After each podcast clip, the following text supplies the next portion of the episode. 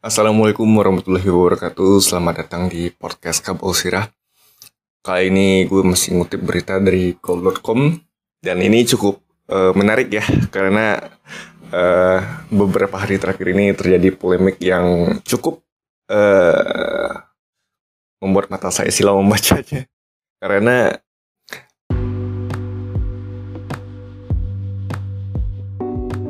Halo semuanya, kalau kamu belum tahu tentang Anchor, dia tuh tempat paling gampang untuk bikin podcast.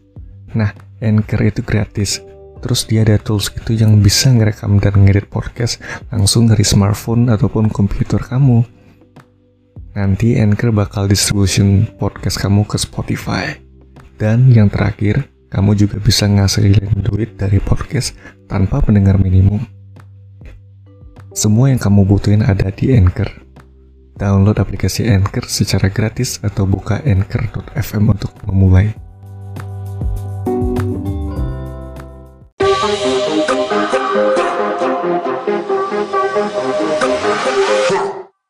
Uh, ada rumor beredar kalau misalkan nantinya uh, kompetisi akan disentralisasi di Pulau Jawa uh, dengan alasan uh, penyebaran virus corona. Oke, langsung aja gue bacain berita. PSSI siap tanggung penginapan klub Liga 1 luar Pulau Jawa.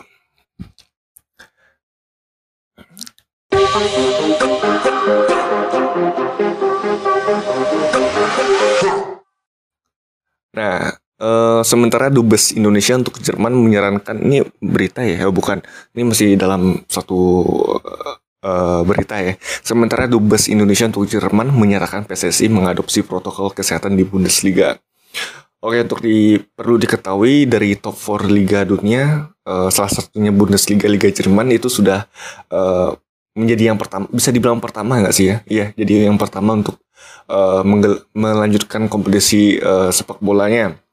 Nanti uh, menyusul uh, Liga Spanyol, Liga Prancis atau dan Liga Inggris gitu ya. Gue lupa lagi pastinya. Pokoknya uh, Premier League itu 17 Juni sih kalau nggak salah.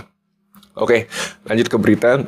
Demi melancarkan ke keinginan melanjutkan kembali Liga 1 2020, PSSI menyatakan siap menanggung penginapan klub dari luar Pulau Jawa. PSSI telah menyiapkan daerah istimewa Yogyakarta sebagai kandang klub-klub tersebut. Uh, ini menarik ya, Jogja ini merupakan salah satu uh, kota atau provinsi yang menjadi tempat uh, sepak bola ini di apa yang dijalankan ya seperti training camp atau segala macam yang berhubungan dengan sepak bola. Yogyakarta selalu menjadi tempat yang istimewa lah ya di sepak bola intinya. Dan posisi Yogyakarta tuh udah sentral banget di pusat di Pulau Jawa ya udah di tengah-tengah banget lah gitu. Jadi emang cocok sih secara geografis dan posisi udah pasti Jogja di tengah. Lanjut, uh, dalam rapat virtual yang diikuti klub Liga 1 beberapa waktu yang lalu, salah satu opsi melanjutkan Liga 1 adalah dengan memusatkan seluruh pertandingan di Pulau Jawa dan Bali untuk meminimalisi penularan virus corona. Uh, Ketua Umum PSSI Bapak Muhammad Iriawan mengatakan mengutarakan salah satu keuntungan klub bermain Yogyakarta karena ada rekannya yang merupakan pengusaha hotel yang bersedia menyediakan tempat penginapan ya. Pertamanya kami diminta 25%. Kemudian saya bilang, bagaimana kalau gratis? Akhirnya gratis dengan sekali makan, kata pria yang akrab disapa Iwan Bule ini, diwartakan laman antara. Sedikitnya ada lima klub Liga 1 yang berada di luar Pulau Jawa dan Bali, yakni Persiraja Banda Aceh, Borneo FC, Barito Putra, PSM Makassar, dan Persipura Jayapura. Menurut Iwan Bule, selain banyak stadion mumpuni, sarana transportasi di Jawa juga sangat mudah. Ini sih bener ya, gue bisa bilang bener sih ini mulai dari kereta, pesawat mungkin alhamdulillah aman ya. Bus juga di, di Jawa itu udah aman sih. Kami fokuskan di Yogyakarta agar tidak warawiri. Kalau tim yang di Pulau Jawa itu dengan menggunakan jalan tol, jalan tol sudah sama saja sudah. Sorry, gue bacain lagi. Kami fokuskan di Yogyakarta agar tidak warawiri. Kalau tim yang di Pulau Jawa itu dengan menggunakan jalan tol saja sudah sampai ya. Sementara itu, Duta Besar Indonesia untuk Jerman Arif Hafaz Ogroseno menyarankan PSSI mengadopsi protokol kesehatan di Bundesliga bila ingin melanjutkan kompetisi untuk mencegah penularan virus. Arif mengatakan Federasi Sepak Bola Jerman Deutsche Fußballbund DFB ya dan pemerintah telah menyusun protokol seperti pengaturan di dalam lapangan saat pertandingan, pengaturan kehidupan pemain berserta keluarganya, lalu tata cara peliputan media hingga pelaksanaan latihan. Saat ini referensi yang bagus yang bisa kita pelajari untuk mengambil keputusan apakah liga bisa dilakukan lagi dapat merujuk ke protokol yang sudah disusun dan diterapkan di Liga Jerman, ujar Bapak Arif.